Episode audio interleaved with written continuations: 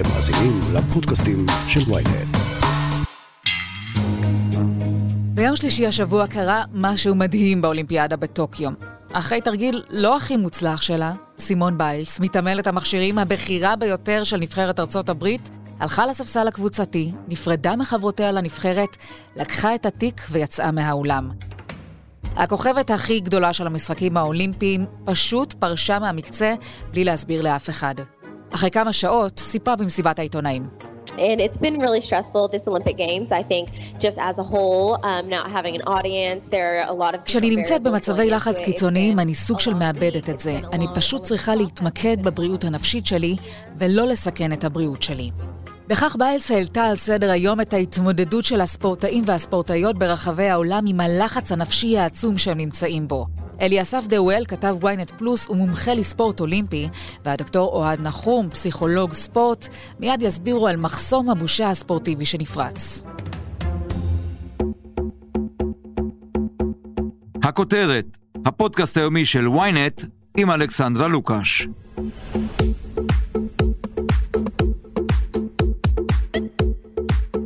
אליסף, נתחיל איתך. אנחנו יודעים בעצם מה קרה שם ביום שלישי אחרי אותו תרגיל שלא אפיין סימון ביילס בכלל? כן, אז תראי, בהתחלה באמת, אה, כמו שסיפרת קודם, שהיא עזבה את האולם במפתיע ודיברה עם החברות שלה, אז באמת התחילה חרושת שמועות, ואחרי זה באמת במסיבת עיתונאים היא סיפרה שלא הייתה שום פציעה, אלא פשוט עניין מנטלי, איזושהי קריסה מנטלית שהיא חוותה, והיא הרגישה שהיא לא יכולה להתחרות. נטו עניין מנטלי, היו לזה סימנים מקדימים, משהו רחש בחש במשלחת האמריקנית, או שזה היכה גם אותם בתדהמה? תראי, אפשר, אפשר היה לראות כבר ביום של המוקדמות שהביצועים שלהם לא ביצועים שאנחנו רואים מבית, זאת אומרת הביצועים היו ברמה פחות גבוהה, אה, לרוב היא באמת שלוש רמות מעל אה, יתר המתעמלות, במוקדמות כבר ראו שמשהו שם לא כל כך מתחבר. גם אם היה ידוע על משהו כזה, זה כנראה היה ממש סוד ולא משהו שידוע עליו, וגם בכל הכתבות שקראתי עליה, וקראתי לא מעט כתבות לקראת האולימפיאדה, לא הוזכר באיזשהו קושי מנטלי שהיא חובה, או איזשהו לחץ מוגזם, להפך, אנחנו רגילים שזו דווקא תמיד המתעמלת שמגיעה לאירועים הגדולים ונותנת, את יודעת, את ההופעה הכי מרשימה והכי טובה. ואז נוחתת על כולנו גם הבשורה ביום רביעי בבוקר, עוד דרמה, עוד uh, פושים. היא גם פורשת מהרב קרב האישי שלה, זאת אומרת, פוגעת בסיכויים שלה המשמעותיים לזכות במדליית זהב הכי איכותית uh, באולימפיאדה הזאת מבחינתה. לגמרי, לגמרי. הקרב רב האישי זה התחרות הכי יוקרתית בהתעמלות באולימפיאדה, זה תחרות שאם היא הייתה משתתפת בה ברמה שהיא כשירה, זה באמת הייתה אחת המדליות זהב הכי בטוחות בכל האולימפיאדה מכל הענפים, זאת אומרת, היא באמת ברמה כל כך יותר גבוהה מיתר המתעמלות, שזה באמת זהב מובטח, בתנאי שהיא לא עושה איזה טעויות מטורפות. וכן, אבל תשמעי, היא כנראה באמת נמצאת באיזשהו אה, מצב שהיא פשוט לא יכולה, היא מרגישה שהיא לא יכולה להתחרות, והיא לא, לא נמצאת שם, זה לא, לא דבר של מה בכך לבוא ברמת פרסום שיש לה, לבוא ככה ולהגיד לכל העולם שלא מסוגלת כרגע ושהבריאות הנפשית שלה חשובה יותר. היא עושה כאן הרבה דברים לא טריוויאליים, כמו שאתה אומר, גם עצם הפרישה שלה. אה, להרגיש את כל כובד האחריות הזאת ולפרוש. גם זה שהיא באה אחרי שהיא פרשה מהקבוצתי, מגיעה לעודד את אה, בנות הנבחרת שלה, וגם עצם העובדה שהיא יוצאת בהצהרה מפורשת ואומרת מה קרה לה, לא מסתירה, לא טוענת שהייתה כאן איזושהי פציעה, ושמענו אה, כל מיני טענות בהתחלה גם בתקשורת האמריקנית, שדיברו על איזושהי פציעה ברגל. היא, אומרת בגלוי מה קרה. לגמרי, אני, אני רוצה אם אפשר לספר איזה סיפור קטן, שאני חושב שייתן איזושהי פרופורציות גם למה שקרה בעצם אתמול. באולימפיאדת אטלנטה 1996 הייתה גם תחרות קבוצתית מאוד מאוד דרמטית בהתעמלות בין אה, נבחרות רוסיה וארצות הברית, וממש לקראת סיום התחרות הייתה מתעמלת אמריקאית בשם קרי סטראג, שביצעה קפיצה בשולחן הקפיצות, והיא נפצעה, נפצעה בקרסול תוך כדי הקפיצה. הברית בעצם אה, עמדה בפני צומת באותה נקודה. סטראג הייתה פצועה, ואם היא לא מבצעת את הקפיצה השנייה שלה, זה אומר שרוסיה מנצחת והם נאלצים להסתפק במדליית כסף. ומה שסטראג עשתה, היא למרות הפציעה, היא ביצעה את הקפיצה הזו, והבטיחה הברית מדליית זהב, ובאמת הייתה תמונה מאוד מאוד איקונית של אה, מאמן הנבחרת אה, מרים אותה לפודיום, כי היא כבר לא הייתה יכולה ללכת מרוב שכאב לה והיא הייתה פצועה. ואחרי זה הפכה לגיבורה אמריקאית וכוכבת וראיינו אותה בכל מקום ובאמת זה אחד הרגעים הכי זכורים מהמשחקים האולימפיים כרגע של גבורה, רגע הירואי. ובשנה שעברה יצא סרט בנטפליקס ש... חוקר ועוקב אחרי כל פרשת ההתעללות המינית, אם אתם זוכרים, בנבחרת ההתעמלות האמריקאית, וגם בה, גם אותה סצנה מאולימפיאדת אטלנטה מוזכרת בסרט הזה, ומדברת שם מתעמלת, מתעמלת עבר אמריקאית, ואומרת, אתם יודעים, אני רואה את הקטע הזה ואני באמת, אני לא מבינה מה חגגנו בכלל, מה אנחנו שמחים. לא היה בכלל לקרי סטראג שום אופציה, היא הייתה בסביבה כל כך תובענית, כל כך רעילה, שאף אחד לא באמת שאל אותה אם היא יכולה לבצע את הקפיצה או לא, לא הייתה לה שום ברירה. ומה שביילס עשתה אתמול בעצם לדעתי, וזה בעצם בוא נגיד הצעד הסימבולי החשוב בעניין הזה, שהיא אמרה, תקשיבו, אנחנו לא בובות על חוט. אנחנו יודעים שאתם מצפים מאיתנו לתת את הכי טוב שלנו, ואנחנו יודעים שאנחנו צריכים מה שנקרא to deliver באולימפיאדה, ושהרגעים הכי גדולים זה עלינו, אבל לא תמיד אנחנו יכולים, אנחנו בני אדם, ויש לנו נפש מורכבת, ולא תמיד זה פציעות פיזיות, יש גם פציעות מנטליות, וכל הדברים האלה צריך להתחשב בהם, ואנחנו לא תמיד יכולים לספק את מה שכל העולם רוצה שנספק לו. יש בעצם כאן שינוי של תפיסת הגיבור, במקרים האלה, הגיבורה. אה, הספורטאית האמריקנית. לגמרי, לגמרי, כי באמת עד עכשיו אני חושב שבאמת ספורטאים היו סוג של בובות על חוט, זאת אומרת, כל עוד הם כשירים פיזית, או אפילו, כמו במקרה של קרי סטרג, לא כשירים פיזית, הם צריכים מה שנקרא לספק את מאווינו, זאת אומרת, את יודעת, לתת את ההופעה שלהם ולהילחם עד הסוף על מדליית הזהב ולהיות תחרותיים עד הסוף, שנכון, זה חלק מערכי הספורט, להיות תחרותי ולא לוותר וכל הדברים שהם, את יודעת, שאנחנו מכירים וכל הקלישאות, אבל יש לזה עוד צד, והספורטאים האלה נמצאים בפני לחץ שהוא מטורף, וההתמודדות המנטלית של ספורטאי היא התמודדות יומיומית והיא מגיעה לשיאים מטורפים, בטח, את יודעת, בענפים אולימפיים, פעם בכמה שנים שכל העולם עליהם. כמובן שלא רציתי לסיים ככה את האולימפיאדה, התכוננתי אליה כל כך הרבה, מאוד מאוד רציתי את זה. יום אחד אתה יכול להיות אלוף עולם, בג'ודו שנייה אחת של חוסר ריכוז, וזה מאוד אכזרי, אתה יכול למצוא את עצמך גם מחוץ לתחרות. רואים את זה גם במשלחת הישראלית, את יודעת שכולם רוצים הישגים מוקי מדליה, אבל את יודעת, זה ספורט בסופו של דבר, ואי אפשר, זה, זה לא יכול לקרות תמיד. אז חשיבות העניין המנטלי, ודיברת שזה לא עניין של מה בכך, אה, שסימון ביילס יוצאת, מצהירה וגם מצליחה לפרוש, אבל uh, היו דוגמאות בעבר של ספורטאים, באמת מובילי הספורט העולמי בשלל תחומים. שלא ידעו לבוא ולהיחשף. ראינו את זה גם בגולף, ראינו את זה גם בכדורגל. נכון, אז אולי באמת הדוגמה הכי מפורסמת בהיסטוריה של הספורט העולמי, אה, זה החלוץ הברזילאי רונלדו לפני גמר המונדיאל ב-1998. אה, רונלדו אז היה חלוץ צעיר בן 20, הוא היה נחשב אז לאחד החלוצים הטובים, אם לא הטוב בעולם, ובאמת כל המשקל של ברזיל היה על הכתפיים שלו לפני הגמר מול צרפת. ואז בערב לפני הגמר התחילו פתאום דיווחים שהוא חולה ושהוא לא מרגיש טוב, ועד היום לא ברור כל כך מה קרה שם, אבל ברור שהגוף שלו עבר איזושהי קריסה ככל הנראה מתוצאה מהלחץ המטורף שהיה על הכתפיים שלו, והוא בסופו של דבר כן הופיע לגמר, והוא היה צל של עצמו בגמר הזה, צרפת ניצחה 3-0, והייתה עליו, אז באמת הייתה הרבה פחות מודעות לעניין המנטלי, והוא גם באמת לא, לא היה לו כנראה את היכולת כמו ביילס לדבר על זה באופן אה, חשוף, הייתה עליו המון המון המון ביקורת על uh, זה שהוא הרס להם את הגמר, ולמה הוא הופיע, וכל מה שקרה לו, ושהוא לא עומד בלחץ, שהוא לא ספורטאי חזק מספיק, באמת ארבע שנים אחרי זה הוא ענה לכל המבקרים, הוא הוביל את ברזיל לזכייה בגביע העולם ב-2002. עוד מקרה מפורסם, זה כמובן, uh, זה מקרה קצת שונה, אז uh, טייגר וודס, שחקן גולף שהיה בזמנו נחשב עילוי יוצא דופן, נחשב אחד משחקני הגולף הגדולים בהיסטוריה, הוא סבל מהתמכרות למין, שזה גם איזשהו כנראה עניין נפשי, והוא בגד באשתו על ימין ועל שמאל, וזה גרם לו לאיזושהי התרסקות טוטאלית בקריירה, הוא לא הצליח במשך הרבה מאוד שנים לייצר תוצאות, ויש עוד הרבה דוגמאות, יש את רוני אוסליבן, גדול שחקני הסנוקר, הוא היה מדבר באופן מאוד גלוי על, זה, על דיכאונות שהוא סובל מהם, שהוא לא היה יוצא מהמיטה במשך ימים, ואני חושב שככל שתהיה באמת אה, יותר מודעות ויותר שחקנים שמוכנים, מה שנקרא, לצאת מהארון המנטלי הזה ולדבר על זה, אני חושב שזה רק יעשה שירות לכולם. זהו, שזה יעשה שירות לאולי כולן, השאלה אם כולם, כל השמות שהזכרת עכשיו שלא הסכימו לצאת מהארון המנטלי הם בעצם גברים. הראשונה שהעזה לעשות את זה בצורה כזאת, וגם זה יתקבל אולי באופן כזה, היא סימון ביילס. אישה, התעמלות קרקע, יכול להיות שאם גבר כדורגלן היה עושה את זה, זה לא היה מקבל אה, כזאת אהדה בעולם, לא? זה יכול להיות, זה יכול להיות שבאמת יש עדיין, את יודעת, בחברה שלנו איזושהי ציפייה לא מוצדקת מגברים להיות יותר מחוספסים, יותר חזקים מנטלית, לא להראות רגשות, אבל אני חושב שאנחנו צריכים כבר אה, לצעוד לכיוון אה, הרבה יותר נכון, שגם גברים סובלים מקשיים מנטליים, זה משהו שכולנו כולנו חווים, אני חושב צריך הרבה יותר לדבר על זה, והלוואי ועוד אנשים יעשו כמו ביילס, את יודעת, לא בהכרח לפרוש מתחרויות, את יודעת, אני לא אומר שכל אחד עכשיו זה, אבל שכן תהיה יותר פתיחות לנושא הזה, זה מאוד מאוד מאוד חשוב, אני מאוד חושב שעשתה צעד אמיץ. אליסף דאואל, תודה רבה לך. תודה לכם. מיד נמשיך עם הכותרת, אבל לפני כן הודעה קצרה. אהלן, זה עופר שלח. אני רוצה להזמין אתכם להאזין לפודקאסט החדש שלי מבית ynet. קוראים לו האמת היא, ובכל שבוע אני אשוחח בו עם דמות אחרת על סדר היום העתידי של ישראל, שזו דרך יפה להגיד שנדבר על כל מה שבאמת חשוב שהפוליטיקה תעשה בשבילנו. אז חפשו האמת היא באפליקציות הפודקאסט שלכם, יהיה מעניין. האמת היא, עם עופר שלח. עם עופר שלח.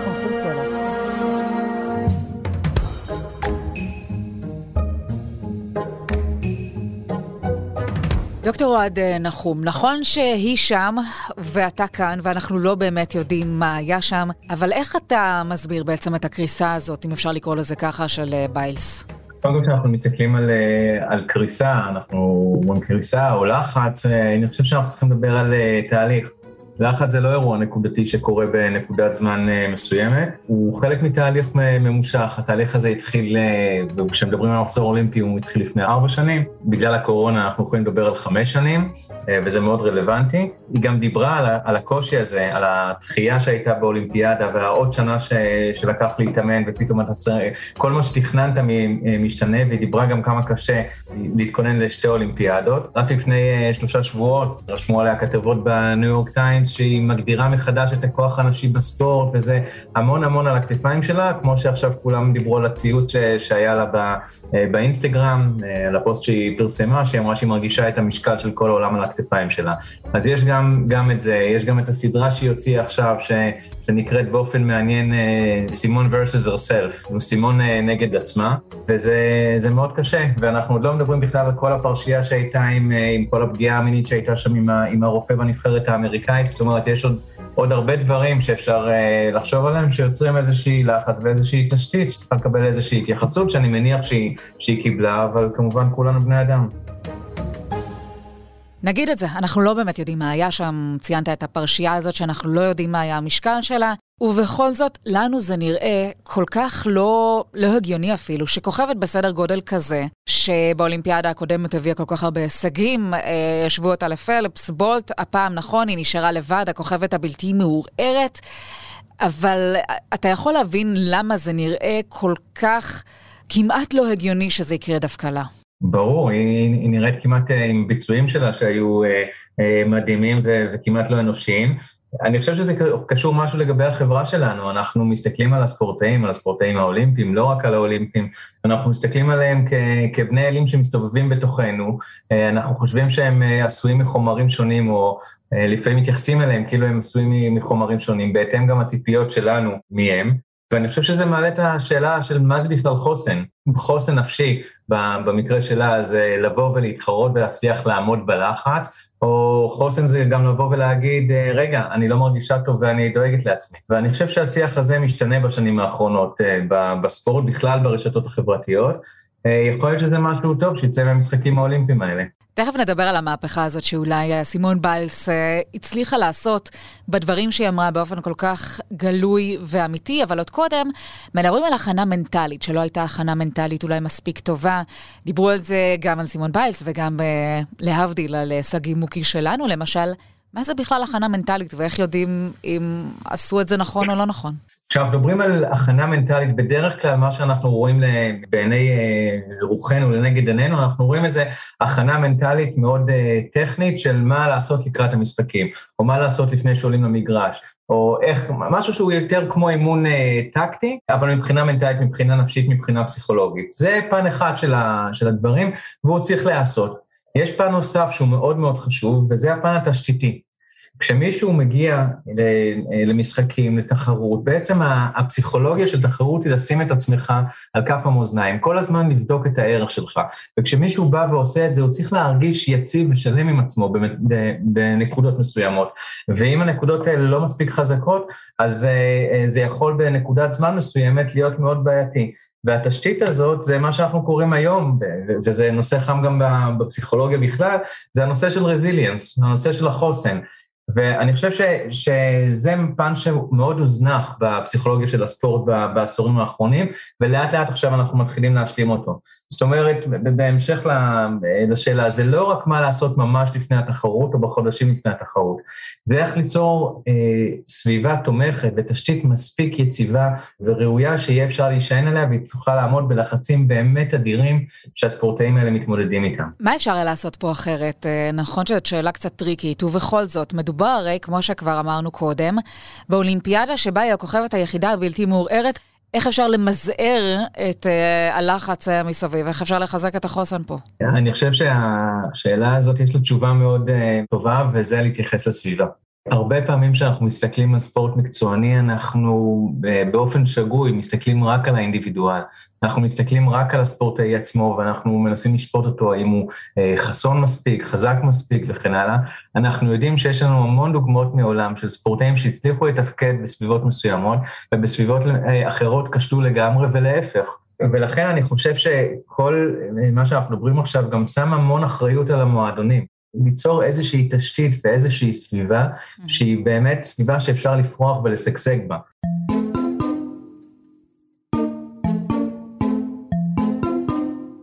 אפשר לעשות את זה, דוקטור נחום, בתוך uh, שלושה ימים, כי צריך להגיד, uh, סימון ביילס אומנם פרשה מהקבוצתי וגם מהרב קרב האישי, שזה הקרב היוקרתי שלה, אבל יש בשבוע הבא עוד גמרים, גמרים במקצועות uh, שונים. היא העפילה גם אליהם במוקדמות, למרות בעיות מסוימות בתרגילים שלה, היא עדיין יותר טובה כנראה ממתעמלות אחרות. אפשר לנסות לחזק את החוסן הזה עד שבוע הבא, או שזה כבר אבוד?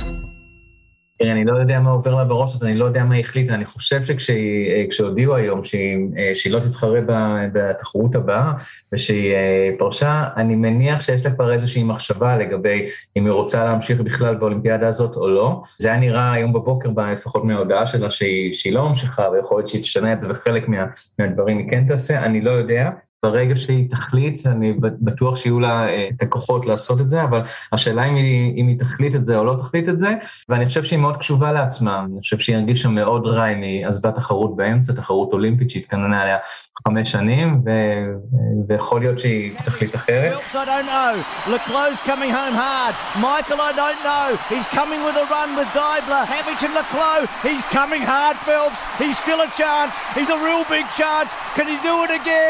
Hits it, and he does. Remarkable, stunning. what a swim, Michael Phelps. דרך אגב, יש גם תגובות מאוד מאוד מאוד מעניינות בעולם בכלל, גם בספורט וגם אה, מחוצה לו. יש את פלפס, אנחנו יודעים שגם הוא התמודד עם, אה, עם דיכאון בעבר, אז הוא מאוד, לא, לא רק חיזק אותה, הוא גם אמר שצריך לעשות עוד איזשהו שינוי, אפרופו הסביבה, אה, בספורט המקצועני, וצריך להמשיך עם זה הלאה.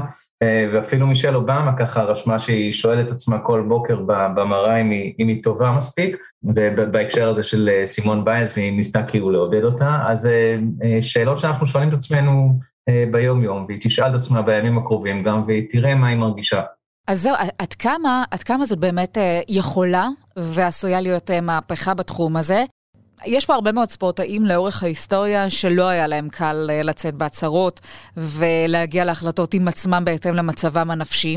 כמה מה שעשתה סימון בייס באמת יכול להשפיע על ספורטאים אחרים, גם גברים, גם במקצועות יותר, נקרא לזה יותר מצ'ואיסטים, זאת אומרת, מה, זה, זה באמת ישנה הכל? אני חושב ששוב פעם, זה, זה תהליך שהוא כבר התחיל, הוא התחיל לפני כמה שנים. אני חושב שנקודת, אה, מאוד משמעותית אה, שהייתה שם הייתה היציאה של קווין לאב, אה, להגיד שהוא התמודד עם התקף פאניקה באמצע המשחק NBA, וירד לחדר ההלבשה ככה ונשכב על הרצפה והרגיש שהוא, שהוא נחנק. אני חושב שהעבודה שנעשתה אחר כך גם ב-NBA, היום בקבוצות ה-NBA יש אה, פסיכולוג שאחראי על כל קבוצה, והוא אחראי על, ה, על הבריאות הנפשית, לא על הפרפורמנס, אוקיי? כי בפסיכולוגיית ספורט אנחנו מדברים הרבה על הפרפורמנס.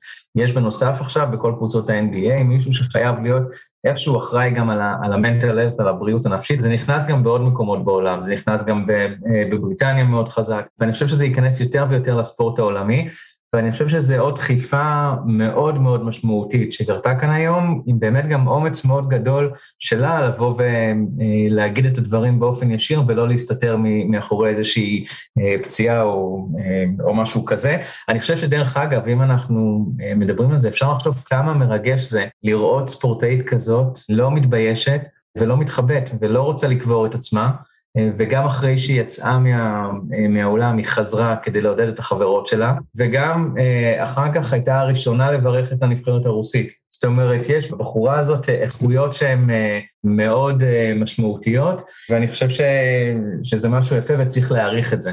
ודרך אגב, זה גם בסדר שלא כל הספורטאים יהיו ככה, ושיהיו ספורטאים שיגידו שהיה להם קלקול קיבה. זה גם בסדר, לא כולם צריכים אה, לשאת את הלפיד במובן הזה. גם נקודה חשובה. דוקטור אה, אוהד נחום, תודה על הדברים הללו. תודה רבה. עד כאן הכותרת להפעם. ביום ראשון נהיה כאן שוב עם פרק נוסף. עקבו אחרינו בוויינט, ספוטיפיי או בכל אפליקציות הפודקאסטים באשר הן. עורך הפודקאסטים הוא רון טוביה, בצוות עטילה שומפלבי, שחר ברקת וערן רחמני, על הסאונד ניסו עזרן, אני אלכסנדרה לוקש, להתראות.